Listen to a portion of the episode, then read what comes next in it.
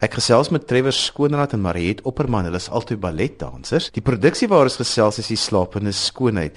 Trevor, vertel vir ons van die rol wat jy in die slapende skoonheid speel. Ek speel die rol van die prins in die slapende skone. Ek kom red die slapende skone nadat sy onder 'n 'n towerspel gesit is met 'n kus en dan dans ons aan die einde 'n 'n trouparade saam. Ja, dit is my eerste keer wat ek die hoofrol in die slapende skoonheid dans, uh, die prins. Um maar baie interessante feit is ek doen dit hierdie keer saam met Bernice Silvius. Sy is my Aurora die prinses. En uh, Bernice was eintlik die heel eerste persoon saam met wie ek gedans het toe ek nog 'n uh, klein knaapie was, omtrent so 17. My eerste rol by Truk uh, as een van die kavaliers was Bernice my fee gewees. So dit is eintlik heel interessant dat ons nou 15 of 16 jaar later weer saam dans maar in die hoofrolle. En Mariet, jy's ook in hierdie stuk. Vertel vir ons van die musiek en ook die rol wat jy speel. In act 1 is ek een van die main feetjies wat ehm um, Aurora kom sien en dan in die laaste act waar hulle trou is ek ook een van die prinsesse, prinses Florine wat ook hulle kom sien en hulle geluk toewens vir die toekoms. Die slapende skoonheid, is dit baie tegnies en moeilik vir die dansers om te dans, Mariet? Ehm um, ek sal sê ja, dit is een van die bekendste klassieke ballette wat mens kry en al die choreography is van ehm um, Petipa, so dis baie klassiek en tegnies en ja, alles is in tutu, so mens kan niks wegsteek nie. Dit moet alles baie ehm um, pure wees. Trevor as 'n mens nou die hoofrol soos die prins dans. Wat is die tegniese uitdagings vir jou in die stuk? Ons is Mariet nou net gesê het, dit is 'n baie tradisionele klassieke ballet. So jy moet baie tegnies uh, skoon wees en ehm um, dit dit verg harde werk om om so 'n uh, pure klassieke ballet op te sit. En boonop moet jy ook die ballerina vertoon. Jy is daar om haar te ondersteun en seker te maak dat sy ten alle tye haar beste lyk. Like. Nou jy het onlangs 'n stuk wat ek gesien het gedans die Elvis Presley een en hierdie is nou heeltemal iets anders. So hoe verskil dit vir die danser as jy iets doen waar jy ballet gedoen het saam met Elvis Presley se musiek en waar jy nou ballet moet doen wat 'n klassieke stuk is? Berei jouself heeltemal anders voor? Ja, jy, jy benader die twee nie net uh fisies nie, maar ook uh in jou jou um jou mental preparasie.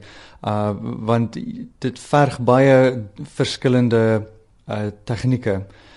Maar ek ek geniet albei. Dit is altyd 'n uitdaging om ander tegnieke te doen. Dit is ook 'n welkome terugkoms na klassieke ballet om nou weer die slapende skoonheid te doen. Maar jy, hoekom sal mense hierdie stuk moet kom kyk? Want dit is baie keer as mense dink jy gaan net na mooi musiek luister en mense dink baie keer ons weet nie genoeg van ballet af nie. Hoekom sal mense hierdie geniet?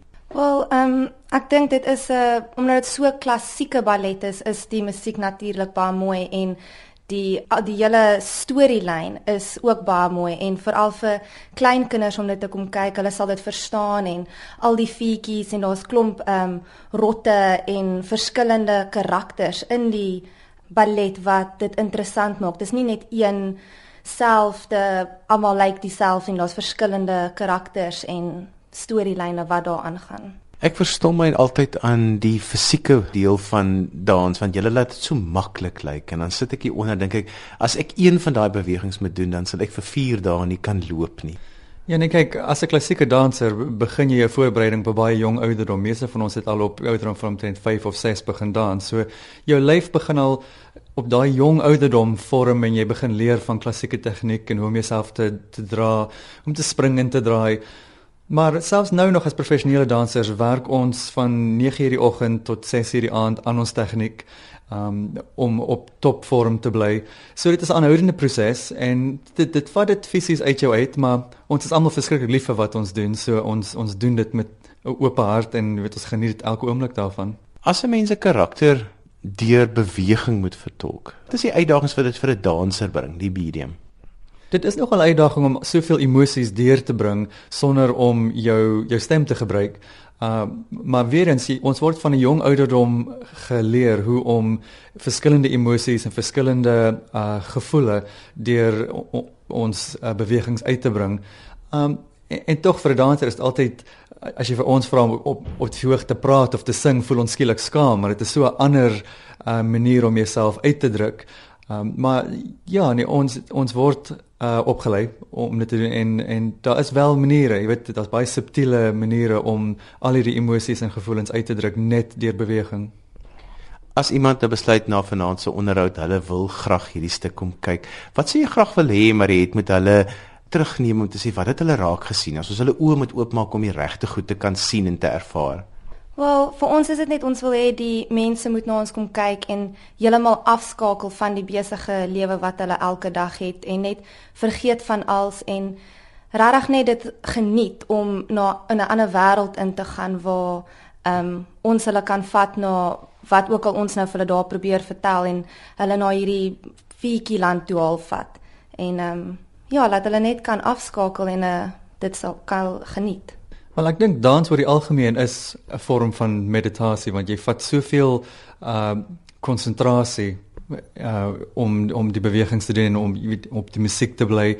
Ehm um, So ek dink vir my is van die oomblik waar daai musiek begin speel, as jy die ouverture begin speel, is jy in die oomblik en so dis moeilik om 'n hoogtepunt uit te trek. Dink jy weet van begin tot einde is jy is dit 'n wonderlike ervaring.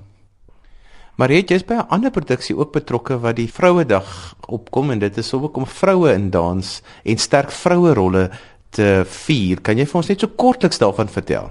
Ja, dis um Bells of the Ballet en dis op um 9 Augustus 3 uur.